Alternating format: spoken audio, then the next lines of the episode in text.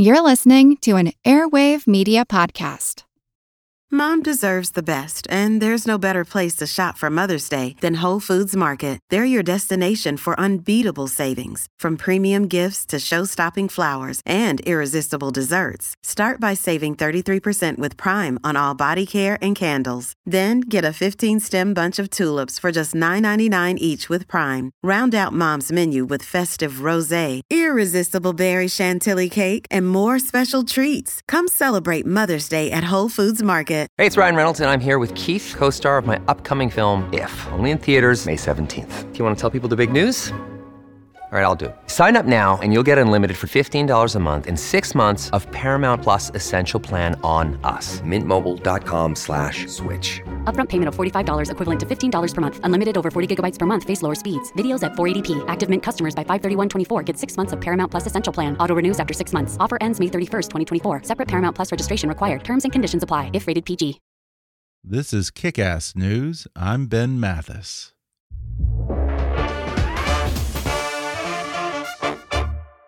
Ever tried sleeping on an airplane? The key word there is tried. It doesn't matter whether I'm flying economy or super duper first class, I've always struggled to get even a little bit of sleep on a plane. But then my wife gave me a turtle pillow.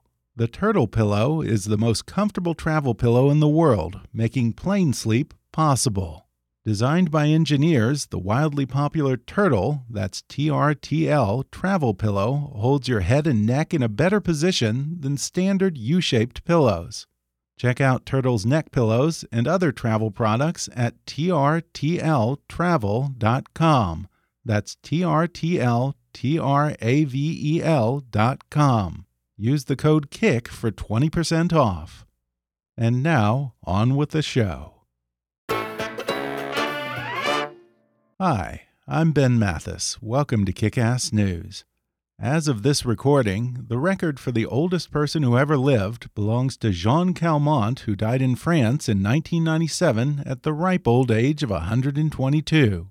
The oldest living man who's ever been verified was Jiroemon Kimura of Japan, who made it to 116. And then there's my guest today, the creator of Bulletproof Coffee and the man who started the whole biohacking craze, Dave Asprey, who says he plans to live to 180. He writes about it in his new book, Superhuman The Bulletproof Plan to Age Backward and Maybe Even Live Forever. And today, Dave joins me on the podcast to explain why 180 is the magic number for him and how he plans to get there. He opens up about a traumatic health crisis that got him interested in health and longevity as a teenager and his battle with early cognitive decline that set him on a path to hacking the human brain. He reveals the culprit behind most age related diseases, including the ones that he refers to as the four killers. He shares the one food that he never eats, the benefits of periodic fasting, and how he manages to feel more rested on less sleep. We talk about the importance of light, gut health, and even jaw alignment to our wellness. Plus, he describes some of the most cutting edge treatments that he's tried from stem cell injections to blood transfusions, including a couple he wished he hadn't, and reveals why the Russians may have the inside track on hacking longevity. Coming up with Dave Asprey in just a moment.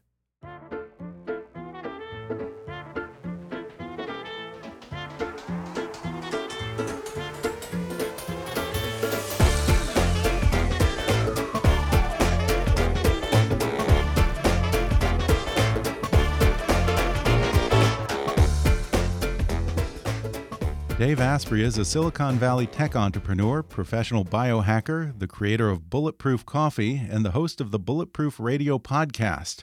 He's also the New York Times best-selling author of Game Changers, Headstrong, and the Bulletproof Diet. Now he's attempting to perform the ultimate biohack, cheating death, in his latest book, Superhuman The Bulletproof Plan to Age Backward and Maybe Even Live Forever. Dave Asprey, welcome to the podcast. Thank you so much for having me on. Well, Dave, I have to say, you certainly have an ambitious goal in this book. You say in here that you plan to live to 180. I guess my first question is how'd you come up with that number? Why not 170 or 250? Or for that matter, why not forever? Forever might be possible someday, but I think dying at a time and by a method of my own choosing is a pretty good goal. okay. So why is 180? why is 180 real? Uh, 180 is real because we know that we can do 120 right now because we've seen it. And these are people who have lived the last 120 years. hmm A hundred years ago, we were still fighting parts of World War One on horseback. So a lot changes in a hundred years. So if we know our best today is 120, maybe in the next hundred years we could only do 50% better. In Okay. fact, I'm betting that because for the last 20 years, I've run an anti aging nonprofit group. I've interviewed hundreds of the world's leaders in this. I have been involved. In fact, biohacking, uh, the word, the whole thing, I, I'm considered the father of biohacking, and it's a new word in our dictionary uh, as of 2018. And what's going on there is we have been studying this for thousands of years as a species. How do we live longer? The Ayurvedic tradition out of India, the Taoist and Chinese, uh, traditional Chinese medicine paths, uh, even some of the things around alchemy in Europe were all the quest to be immortal. The fountain of youth is nothing new. What's new is the internet, machine learning, genetics, mitochondria. And I know the guys doing the work and the women doing the work. And what we have now is a revolution where we know why we get old and what to do about it. And this is the first time in human history that we know of we've been able to say that. Uh, Yeah, I believe that the oldest living man that's ever been verified lived to, I think, 116. So I wish you the very best of luck. Uh, if you think that you can best him by 64 years in the next few decades, good for you. The good news is I'm in my 40s. Right. I've got a lot of tech that he didn't have access to. I've also talked to a lot of longevity experts, and one thing that they tell me is that the biggest hurdle is just simply the fact that cell regeneration, at least as we understand it now, is finite. We only have so many cycles of new cells in us before we stop making new cells and we die. How do you plan to overcome that? It, it's funny. There was a group of uh, people who said that if we went over something like 16 miles an hour, that all the oxygen would leave our vehicle and we would die of lack of oxygen. Um, they were criticizing the creation of the automobile. so, um, okay. You know, I I will say though, there's a chapter in Superhuman on stem cells, and what I do to write a book like this is I go out and I try everything as a as a guinea pig. So Yeah. I've had the most extensive stem cell treatment ever to have been done on one person at one time, where I had a half a liter of my bone marrow taken out and my fat stem cells injected into every joint in my body, inside my spine, outside my spine, in my brain, in my reproductive organs, everywhere. And I talked to the people doing the research. And it turns out we already know, and this is in Superhuman, how to take adult stem cells and de-differentiate them. We can take our stem cells and make them into what's called a pluripotent cell, which will go in and rebuild tissue. It turns out though, tissue loss is only one of the seven pillars of aging that are in the book. So that's how you address tissue loss is you program your stem cells to do the stuff that mother nature isn't programming them to do because mother nature wants you to die. Uh, Interesting. So we can do that. And, and this is not uh, cord blood stem cells or fetal stem cells. These are your own stem cells at age 40, huh? These are your own stem cells, but really the most the, the best ones are stem cells from the blood of your enemies, if you can get those, just because there's that extra. Okay, but basically, use your own stem cells. One one problem we have is stem cells that uh, come from some other source. You usually don't get very many of them in the U.S. And in other countries right now, people are taking their stem cells and growing them in a lab. So you can get hundreds of millions of cells that weren't already in your body. So that's what I did. I had my blood drawn here and then I went out of the country to get the treatments. I'm hoping that the regulatory system in the US catches up with the rest of the world and soon we'll be free to use our own cells as we choose. Yeah, and that's interesting because, you know, being the well known biohacker that you are, you describe personally trying a number of these more cutting edge and experimental treatments, many of which are not yet approved by the FDA and still in clinical trials, or as in this case, you have to go to another country to do them. Doesn't that scare you? And how do you personally weigh the risk versus reward of a particular treatment? You know what scares me? Being old. I was old when I was young. I, I had all the diseases of aging before I was 30. I was obese, I was pre diabetic, high risk of stroke and heart attack, cognitive dysfunction, uh, arthritis when I was 14. And I know what it's like to to push the accelerator all the way down and still be slowing down. And like you can push harder, but you got nothing left. And and it's a sense of helplessness and a sense of a kind of creeping horror. It's like I don't know what to do here. I don't want to go back to that. I don't like walking around with a knee brace and in pain all the time. I don't have any of that. I have a brain that works better now at 46 than at 26. So, you know what? If you do nothing, you will spend the last 20 years- of your life in decline, in pain, reliant on other people, and going bankrupt. Mm-hmm. That scares the crap out of me. An experimental treatment that has a great basis for working done by people who've put their life's work into it that actually works and has worked on other people. Why is that not allowed? Why did I why don't I get to get that choice? Who ha, who dares to just presume that they have a right to tell me I have to have a permission slip to take care of my own biology? That is my fundamental human right. And if you want to get in the way of that, you are an enemy of humanity. Well, I want to talk about this experience that you just mentioned. Uh, apparently, when you were at a very young age, you literally found out that you were aging beyond your years. What was going on with your body back then? you know, it was really scary at 14. I'm like, man, my knees hurt all the time, but I just thought they were supposed to hurt all the time. So I went to the doctor and he said, You have arthritis in your knees, and here's a brace. In fact, here's two braces. You can keep playing soccer. And I just remember going home, I thought arthritis was, you know, for old people, and I'm 14. And, and I was sort of deeply disturbed. Like maybe there's something wrong with me. And it turns out there was. I was living in a house that had toxic mold growing inside the walls because it had been flooded. And we didn't know about toxic mold in the 80s. But I had nosebleeds all the time. I had weird inflammation throughout my body. I ended up gaining a lot of weight and developed autoimmune conditions. It turns out they also run in my family. Uh, I also said I'm going to eat healthy. So I would do the bran muffins, the low fat diets, uh, the high carb diets that were supposed to be healthy because they had fiber, even though they had inflammatory agents in them. By the time I was in my early 20s, I hit 300 pounds and I was exercising an hour and a half a day, six days a week. And I was eating a low fat, low calorie diet because I was desperate to not have another knee surgery. Wow. And at the end, 18 months of this, I'm talking every day but Sunday. I didn't care if I didn't sleep. I didn't care if I was sick. I didn't care if I had final exams. I hit the gym because it was most important. I looked down, 46 inch waist, same as when I started, still weighed 300 pounds.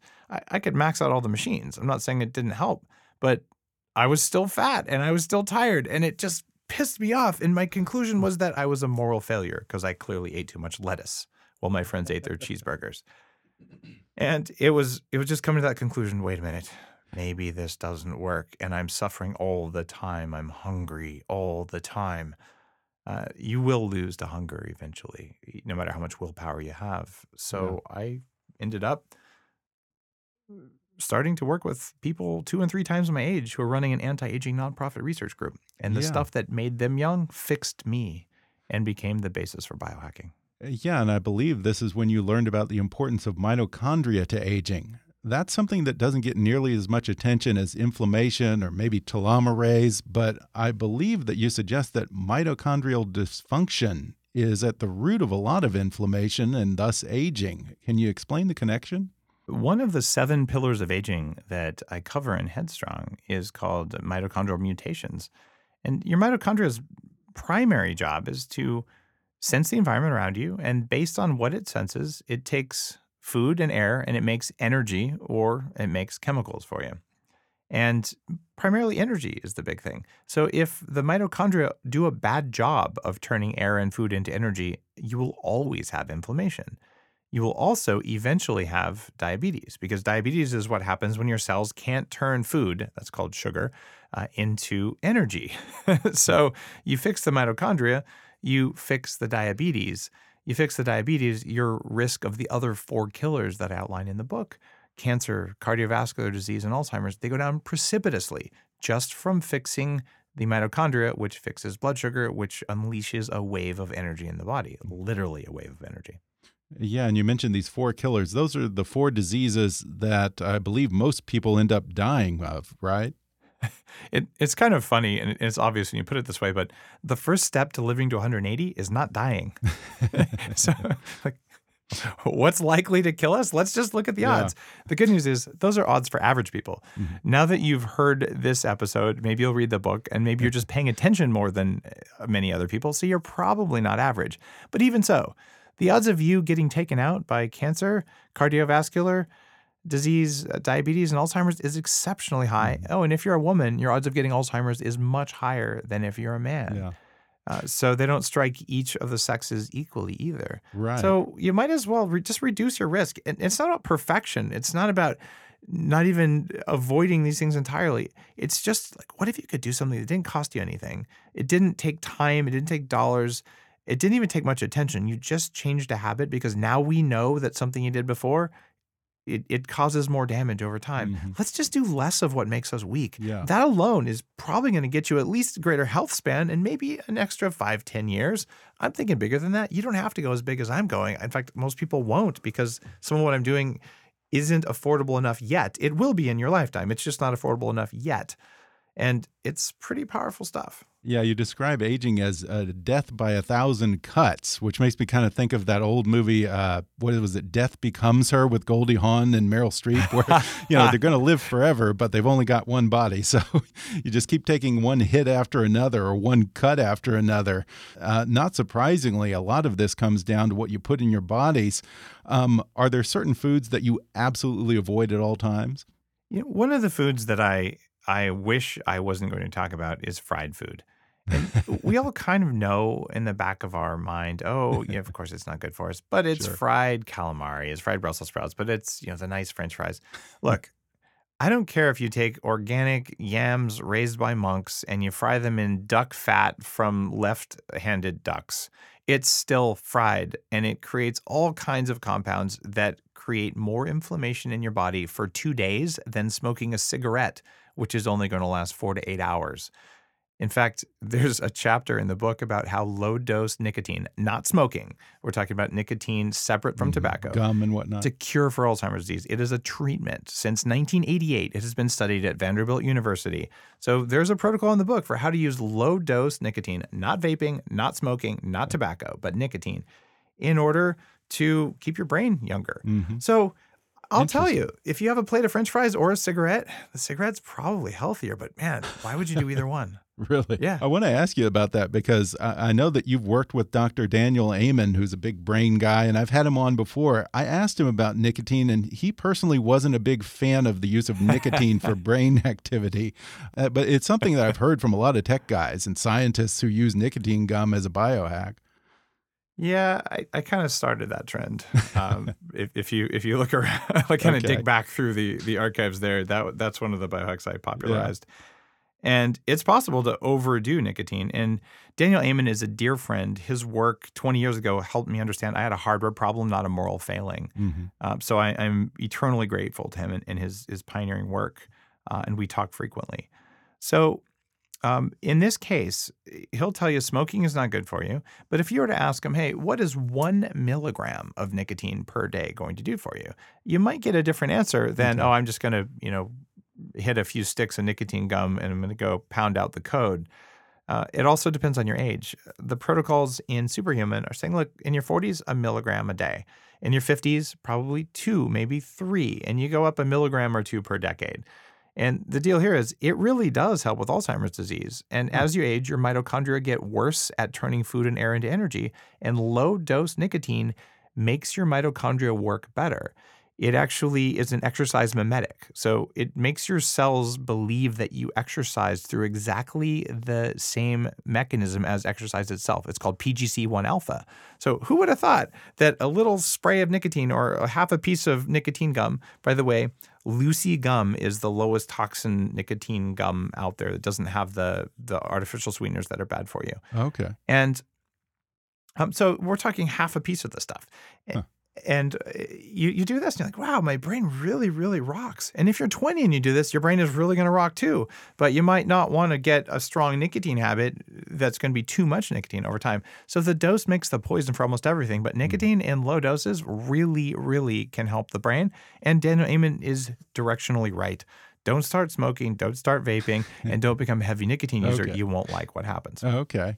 Well, I want to ask you about your chapter on brain health because that's another chapter that's fairly personal for you. Uh, you describe having suffered from what you call premature cognitive decline or worrying that you might be a candidate for early onset Alzheimer's. Before you sought treatment, what were the kind of things that you were having trouble with? I would lose words. I, I couldn't remember mm-hmm. stuff. I'd say, Oh, what was the word? I was thinking of something. And I'd open the fridge. I wouldn't know why I opened it. I'd go to the store and I didn't know why I went to the store. And I'd sit in meetings and I couldn't remember anything. Things that were important, things that I cared about, things that I wanted, they were just leaving me. And sometimes I'd drive home and I'd get home and I'd say, I have no recollection of how I got home. I, I know I must have driven, but I couldn't tell you anything about it Wow. Uh, to the, to the point that I bought disability insurance in my mid twenties because I'm like, all the tests say I'm fine, but man, I'm I'm scared. And this wasn't paranoia, anxiety, worry, although I had high anxiety. This was actually a hardware problem in my brain.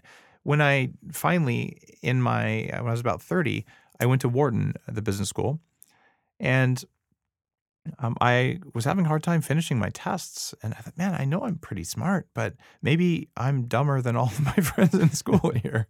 Uh, so I went and I sought out uh, Daniel Amen because he had just written his first book. And I had radioactive sugar injected in my arm, and we looked at my brain, and lo and behold, I had chemical induced toxic brain damage. And it was caused by toxic mold in the home where I had grown up, in the house where I had lived. And I healed it. In my most recent scan, the damage is gone. Wow. So you can grow your brain back. It's that straightforward. That's incredible. What did you do to heal your brain? Well, one of the things you have to do is you stop eating the bad fats because the cells in your brain are made out of fat. It takes you two years to replace half the fat in your cell membranes. Hmm. And in Superhuman, I've, I found some really neat new research that explains how, when you eat fat, where it goes in the body. It turns out that your brain really, really, really wants you to have saturated fat in the brain. Hmm. 45% of the fat in your brain is saturated, and it will not change no matter what you do but you have great control over the mix of other fats in the brain. So what I did is I went on a high fat diet to get to allow myself to get rid of the bad fats that had built up in my body over time, both from bad bacteria in my gut and from eating the wrong fats when I was a raw vegan and things like that.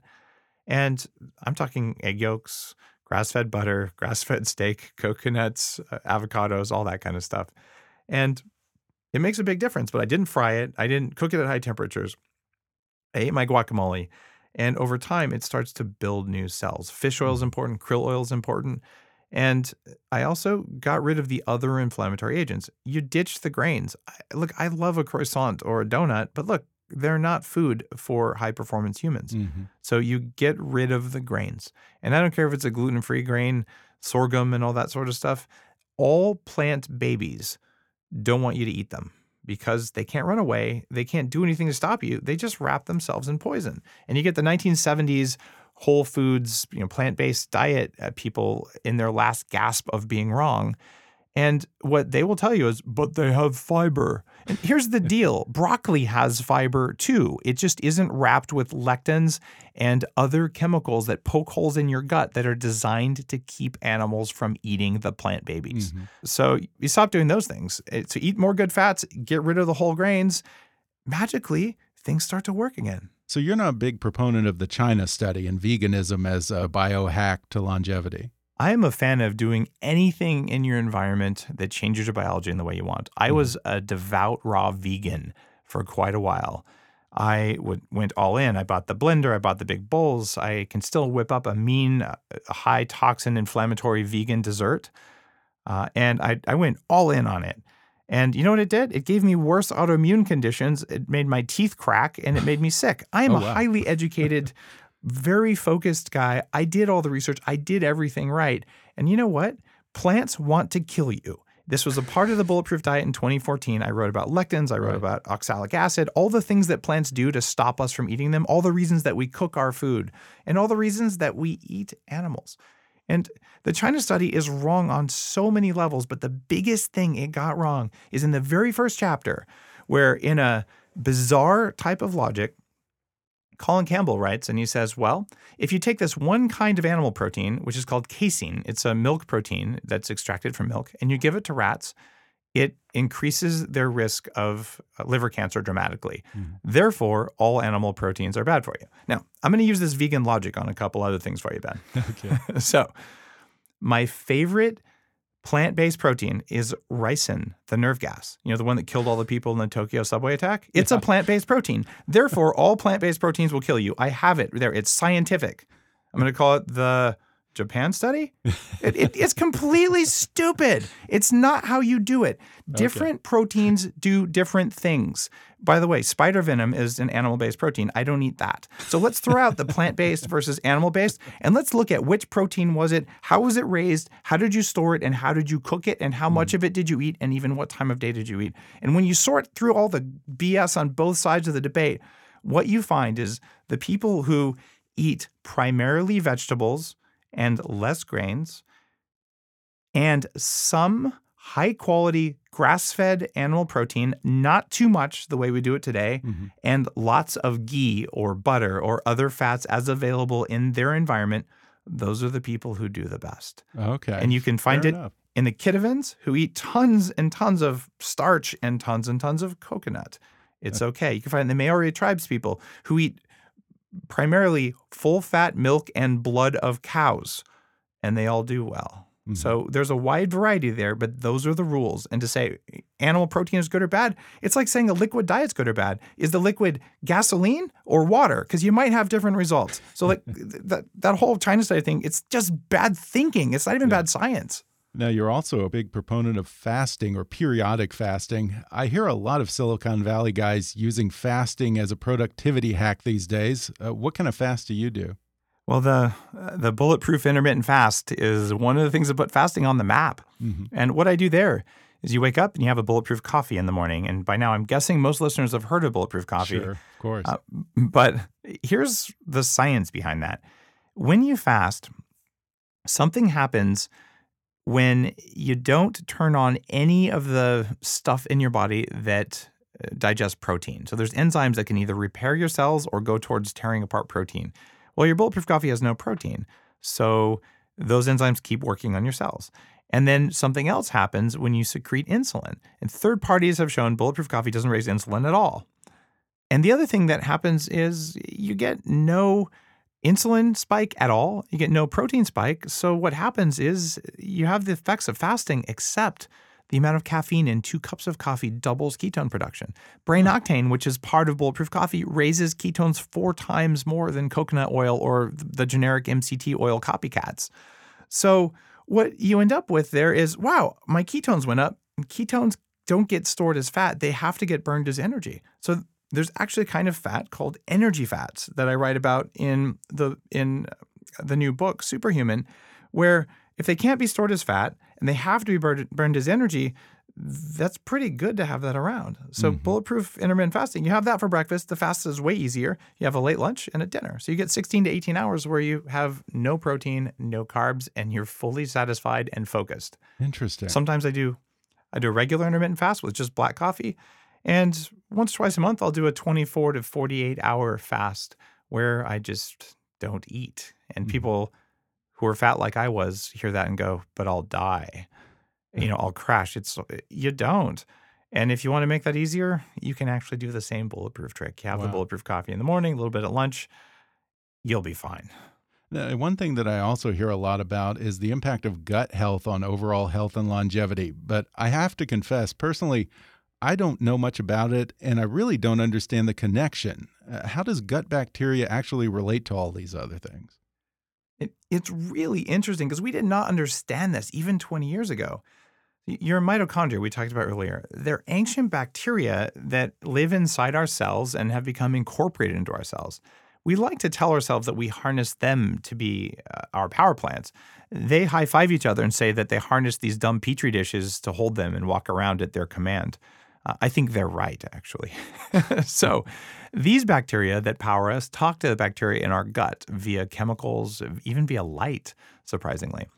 So, when you eat stuff, your gut bacteria metabolizes it and puts stuff into the body that your body then listens to very dramatically. It turns out most of the pharmaceutical drugs that we have in circulation today get metabolized by your gut bacteria into what actually works, and we didn't know it until recently. So you want to live a long time, you want to have more species of gut bacteria, more diversity. So I found out that doing the the even the bulletproof take on keto. In fact, uh, bulletproof was was came out at the very beginning of keto, and it's one of the the things, the wind behind keto. Uh, but I had 48 species of gut bacteria, and ideally, I should have had closer to 200 if I wanted to have a young person's gut bacteria population. The reason, when you travel, there's just no vegetables. It's hard to buy vegetables at restaurants in enough quantity to matter.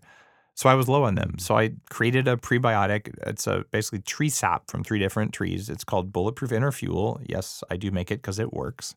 And I started taking that and I published the results in Superhuman. I went from 48 species to 196 species in about three months just by putting two scoops of flavorless powder in my bulletproof coffee. So, wow. radically changed my gut bacteria population with a simple act like that. So, if you're on keto and you're listening to this or you're doing fasting, the odds are that your gut bacteria are probably wrecked by unending keto. I'm calling that dirty keto. And you've got to go in and out, or you've got to have some carbs to feed the good guys in your gut, okay. but not sugar, not junk fats. Okay. But how do I know if I have good or bad gut health? I mean, you know, I have a stomach of steel, so you know, I don't have a sensitive stomach like a lot of people. I rarely get a tummy ache. Uh, I rarely eat something that doesn't actually agree with me. So my assumption is that I have good gut health. Am I right? Uh, is it that simple, or, or, or is there something else that I'm missing here? You're probably you're probably more right than most people. However, you could have some really weird stuff going on in there that is not doing good things for you, but you wouldn't know it, especially if it's always been there. Really. So the gold standard for me is a test called Viome, V I O M E. And that's where I got my results here. Okay. It runs about $199. You find it on sale sometimes.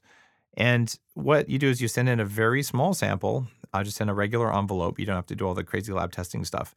And they come back and they tell you here's all the species of bacteria, virus, fungus, and everything else in your gut. Here's what it's doing. So it's not just is it there, it's what is it doing with food. And they give you a list of foods that are going to cause inflammation and a list of foods that are going to help shift your gut bacteria to be healthy. It turns out they listen okay. to the food you eat way more than anything else, even more than the probiotics you might take. So this is a test that's become very affordable that gives you really gold standard data on what is your gut bacteria doing to you that you don't know about. Now, from the gut to the mouth, uh, another thing that you preach in here is, uh, and this is something that I've never heard of in my life, is the importance of jaw alignment to our longevity. What's the connection there? Uh, my goal in Superhuman was after 20 years of doing this, the stuff that no one talks about that has merit, the stuff that's really powerful, I wanted to put that into the public uh, sphere as you age, your teeth wear down in the back and it changes the angle of your jaw just a little bit. And a rational person would say, who cares? It doesn't really matter. However, a neuroscientist or someone who's looking at embryology says, wait a minute, that nerve that runs through the jaw there, the trigeminal nerve, that's going to get impinged. And what's it going to do? The people who study this have figured out that it increases levels of the primordial pain compound in all of nature called substance P. Even slime molds have substance P. It's how they know to grow away from things like fire.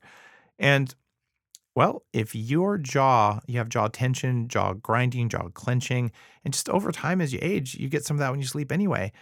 It's going to make you old by increasing inflammation, increasing scoliosis, all kinds of things you'd never expect. So, what would happen if you slept with a little bite guard? especially if you clench your jaws, if you do that one thing, you might buy yourself another 10 years of high functioning life. It's no that kidding. big of a deal. Yeah. Wow, that's incredible. Now, another thing that comes up a lot with regard to overall health and longevity is sleep. And I feel like we've kind of recently just begun to turn the corner from this burn the candle at both ends, I'll sleep when I die mentality.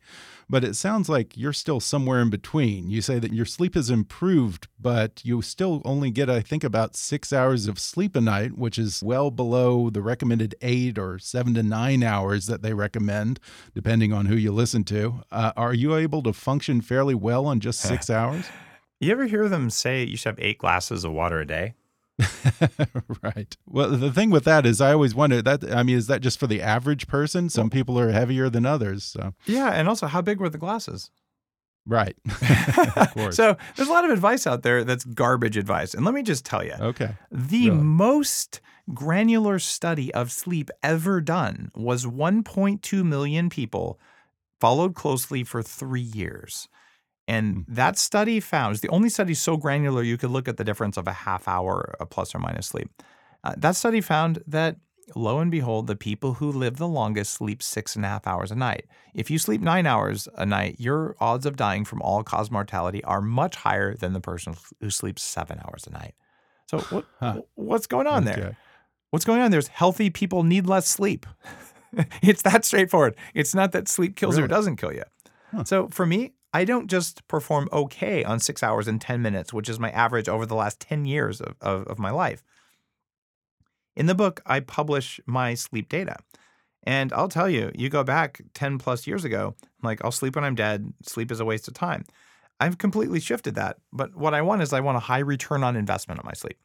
So I'm getting two hours of deep sleep, two hours of REM sleep. Sometimes it's only an hour and a half, depending on how much I sleep. But it's crazy. I can get this almost any time I want. Interesting. I flew to London um, uh, two weeks ago, and I got two hours of deep sleep on the airplane. Which, like, how do you do that? That's almost impossible. I'm and I'm six four. I don't even fit in the lay down beds, which I was fortunate to be in. So I have a ring that tracks my sleep. And I was a CTO of one of the wristband tracking companies. I'm really into this stuff. And I'll just tell you, if you manage what you do before you go to bed and you have the right supplements and all that, I get more sleep in six hours than you probably get in eight.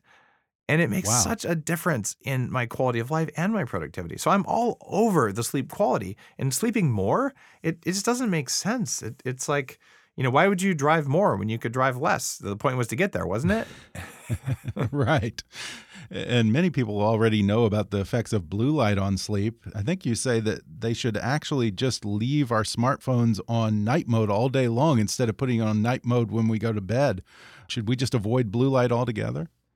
You know, it's really confusing because I, I started a company uh, that's in, you could call it the blue blocking space, but it turns out if you block blue light in the morning or during the day all the way, you should expect to wreck your circadian rhythm and probably die sooner. Mm. So I'll be the first to tell you blocking blue light all the way, all day is bad. Now, when you're sitting in an office under bright LED lights looking at a bright screen, you're getting excessive doses, like five times more of the blue light than your eyes are used to getting. And you should expect to have a tired brain with sugar cravings at the end of the day. So many people get that. So I make glasses. The company's called TrueDark. And during the day, they block some blue light, but not all. And there's patented glasses for sleep and jet lag uh, that are on the site. And those are the glasses that, for me, doubled my deep sleep. They go beyond blue blockers. Blue blockers Okay. at night don't block three of the four frequencies that keep your brain believing it's daytime. Uh, so when you trick your brain into thinking it's pitch black, even though you're looking at your phone or watching TV, then when you lay down, you really go to sleep. And I see it in my sleep score. I, I fall right into deep sleep, and I'll get my deep sleep right away instead of waiting an hour or two like most people. And you also get into some other types of light that can affect the body and mind for better or worse. Uh, can you walk us through those? Uh, sure. We're getting to the point of, of sort of science fiction, and we can now create light in whatever wavelength we want. So there are species or species, there are frequencies of red light and infrared light that are shown in multiple studies, even amber light, to cause regeneration of your skin or even injuries way faster than if you didn't use the light. So you can lay down on a red light bed. And in fact, part of uh, Bulletproof, I started a company called Upgrade Labs in Santa Monica and in Beverly or in Beverly Hills in the Beverly Hilton Hotel, uh, which is you know, where the Golden Globes are are held. And Right. you you go there and you can use this red light to actually cause your skin to get better. And who would have thought that that was possible? And there are devices you can get at home that also allow you to do this. So we're just entering this area of wait, we know the signal that causes the skin to get healthier and thicker. What other signals are waiting out there that we can use to cause us to get younger? That's just the beginning. Toward the end of the book, you actually have a chapter called Hack Longevity Like a Russian. I wouldn't think that we'd want to be taking longevity tips from a country experiencing sharp declines in life expectancy, but do they know something that we don't? You know, Russian scientists are some of the world's best. If you look at physicists, uh, you look at it's just the advanced, even going back to uh, uh, the nuclear program, the fact that they didn't invest for 20 or 30 years uh, is problematic. But one of the first things I ever did to improve my sleep was straight out of the Russian space program. They, they figured out. Uh, I'm going to hack my Russian accent and piss off all my Russian friends, but you know, it, it it is expensive to send astronaut to space. Okay, I'm going to stop trying to do that. But anyway, it is expensive because astronauts are heavy. So they said, what if we just made it so they didn't have to sleep when they're in space? We could send one third less astronauts, one third less food, one third less astronaut diapers, like all the stuff. So they made us a machine. They could run electricity over the, the astronaut's brain, and they'd only need two hours of sleep. I said, I'm buying me one of those. So I did the 20 something years ago, and it works. Uh, and really? oh, yeah. What does it do? It, it runs a small current that forces the brain to go into a certain state and increases energy in the brain. It's sort of the great Huh. granddaddy of, of technologies like Halo Neuroscience. This is a company that Mm-hmm. makes electrical stimulation for athletes so you can learn to move more quickly to increase neuroplasticity. So Russians they they think about hacking very differently than most other scientists. And what they found out in that chapter on hacking, uh, hacking your aging like uh, like a Russian, is they said, well, let's look at radical anti-aging. There's almost a fearlessness and in their willingness to just go deep on their own bodies. And one of the Russian scientists figured out that peptides, these tiny little strings of amino acids that are the building blocks of proteins, they are signaling molecules in the body. And they figured out how to get the young things that cause tissue regeneration and to extract oh. those and to allow you to take them. So you can take the the peptides that cause you to grow better blood vessels or cause you to grow better eyes or better reproductive organs and they actually work and there's good science behind it. One of the things that was uh, first published in 2003, something that I used, is called epitalin. And you might have heard of telomeres, this idea that your cells can only, you know, they can only copy themselves so many times before they run out of Right. this wick. Well, there's right, a right. The shoelace caps, right? exactly shoelace caps, Yeah. good way to describe it. Well, there's a two thousand dollar a month supplement uh, that you can take uh, that I did take for a while, although I bought a Chinese version of it. Uh, it's just not affordable, uh, even if you're doing pretty well. You know, twenty four thousand dollars a year. Uh, so that's not going to be out there, and it's expensive because it takes forty five pounds of astragalus root to make a little bit of it. But the, the Russian peptide is fifty bucks, and you inject it for ten days. So it's fifty dollars for a ten days dose. Uh, we do it once every six months, and it lengthens telomeres at least as well. Is it approved? Okay. No. Is it used commonly? Yes. Has it been studied for 17 years? Yes. Is it naturally present in your body when you're young? Yes. it looks safer than most drugs to me. so Okay. uh, there's some cool stuff Well- going on, but most people have never heard Yeah. of it. Well, you know, I had Elizabeth Blackburn, the person who discovered the effects of telomeres, on the show a while back. And one thing she said is that some of these drugs that uh, lengthen our telomeres also have the side effect of increasing the chance of cancer. So, is that something that concerns I'm so you? glad you said that. If you turn on unchecked reproduction and regeneration, you bet your ass you're looking at cancer. Mhm. So, what you have to do anytime you're looking to live a long time, remember, cancer is one of the top two of the four killers. You're Right. probably going to get it anyway. So maybe you should be managing your cancer risk in a more uh, in a Mm. more uh, conscious way. So what I did, as I said, well, what takes out precancerous cells, and what causes cancer? The primary cause of cancer is mitochondrial dysfunction. And so you look at how do you make your mitochondria work better? That reduces your risks of almost all kinds of cancer. And what else can you do? Well, your natural killer cells run around and kill precancer cells. How do you get more natural killer cells? Well, the crazy billionaire way is what I did for the book is I had my blood drawn, uh, cultured in a lab for a couple months, and my natural killer cells farmed and grown and copied. And then I sat down and injected 2 billion of my natural killer cells in all at once into my blood. And that resets your immune system to make you about 20 years younger than you were before. Uh, very powerful stuff you can do that way. However, that's you got to go out of the country to get your blood reinjected because in the US, once the blood's out of your body for 24 hours, it magically, through the power of big pharma lobbying, uh, becomes a, a drug that's no longer yours. Oh, I, wow. I don't understand the magic there, but. I know it's expensive, Huh. so I just leave the country where it's normal. But here's the cheap version of that. You want more natural killer cells? Go for a walk in the forest, 20% increase in natural killer cells, or use essential oils based on the spruce species. Hinoki spruce is the most studied. So for 25 bucks, you get a 20% increase in natural killer cells and then lengthening your telomeres and stop eating the fried stuff. Don't smoke, don't drink too much. You'll be fine. Okay, good tips. I'll go for the $25 version. Before we go here, real quickly, I have to ask are there any treatments that you tried and later wished you hadn't? You know, some of the cryotherapy uh, that I, I, went through, I fell asleep with ice packs uh -huh. on uh, some of the fat stores, and I got uh, first degree ice burns over 15% Ooh. of my body. Um, after I did the the six hands whole body stem cell treatment in in Park City, it was profoundly rejuvenating. I can tell you the day after I did it, I was laying there. I, I was pretty sore. Yeah. so for about an hour there, I'm like, what did I do? But by the next day, I was completely back up and feeling better than before. Okay. All right. Well, that's the cost of living forever, I guess.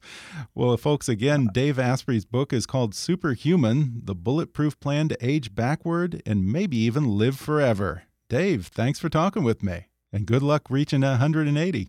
at least, my friend, at least. it's been a great pleasure. Thanks for having me on.